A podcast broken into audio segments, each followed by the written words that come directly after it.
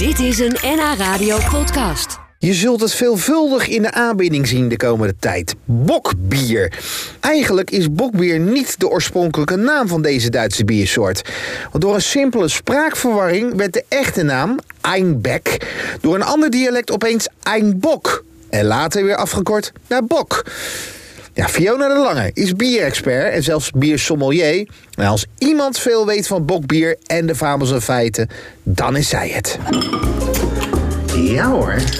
Het is weer zover, hè? Het is weer zover. Lekker bokbier met die Ja. regen hier zo. Ja. Wat is bokbier? Bokbier, ja, dat is een bierstijl eh, die oorspronkelijk uit Duitsland komt. Einbeck, daar, eh, daar is de oerbok eh, gemaakt. in het noorden van Duitsland. En ooit heeft de koning van Beieren, die heeft het helemaal naar het zuiden gebracht. En daar is eigenlijk een Babylonische spraakverwarring ontstaan. Einbeck werd Einbok, Einpokkiesbok. En nou ja, daardoor is dat bok... Ho, ho, ho. Ja. Dus bokbier is eigenlijk helemaal niet een goede, goede benaming. Nee, eigenlijk niet, nee. Nee, nee want het was eigenlijk Einbecker bier.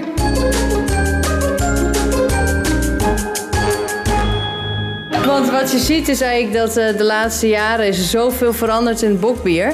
Eh, mensen die denken dat eh, bokbier... Dus daar ruik ik altijd even Ja, is goed. Nee, precies, precies. Als je denkt dat bokbier altijd zoet is, dan heb je het mis. Tegenwoordig kun je ook eh, bittere bokken eh, eh, vinden, zure, alles, alle soorten en maten en smaken. Ja, nou, laten we- eerst proosten, Ja, want proost. ja, maakt natuurlijk allemaal niet uit waar we het over hebben natuurlijk. Oh, Mm. Mm. Mm. Dan staat er, ehm, in de winkel staat er dan herfstbok. Dan denk ik, ja, Dat is een Nederlandse, ja, dat is een Nederlandse term voor bok. Want bok komt alleen maar in de herfst voor. Eh, nou, vroeger kwam het eigenlijk in het voorjaar voor. Eh, dus nu hebben we ook lentebok natuurlijk. Eh, maar helemaal eerder, als je terugkijkt in de geschiedenis, was er naast pils heel populair bokbier. En bokbier was altijd het moment dat er eigenlijk gevierd werd dat de lente intreedt. Oh. Dus, ehm, maar goed, uiteindelijk kunnen we nu het hele jaar door brouwen. En is dus door de brouwers uiteindelijk voor gekozen om met die donkere mouten te zeggen: we gaan in het najaar het introduceren, want dat past veel beter bij de smaak. En jij zegt herfst, herfstbok is echt typisch Nederlands. Dat, is, dat hebben wij ervan gemaakt. Dat hebben wij ervan gemaakt, ja, absoluut. Om het eh, ja, makkelijk te maken. Ja, Ja. weet je, als je nu in de supermarkt loopt, het is altijd in de aanbieding.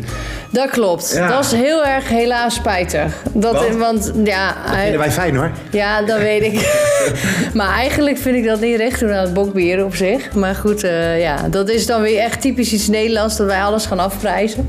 Eh, maar goed, in ieder geval. Jij eh, vindt niet dat het... Dat, nee. dat je- nee, nee, niet zoveel. Niet 25 procent. Nee, nee, dat vind ik echt te veel. wat hebben we hier? Wat is dit voor een, eh, bok, voor een bok? Die we nu... Nou, dit is een hele bijzondere bok met een Franse slag. Ja. Ehm, ik, Zo heet die. Nou, ja, precies. eh, ja. ja. het is met een Franse slag. Het is op de Bière de Garde. Dat is een stijl, zeg maar, in Frankrijk. Ehm, en dus heeft hij ook veel van die karamel. eh, Maken en Franse bier?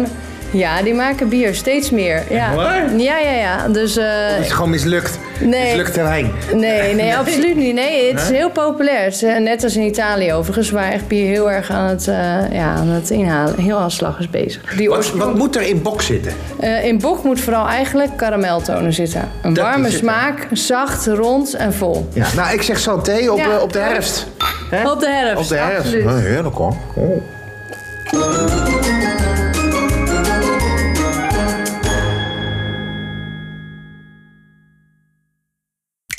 Dit was een NH Radio podcast. Voor meer, ga naar nhradio.nl.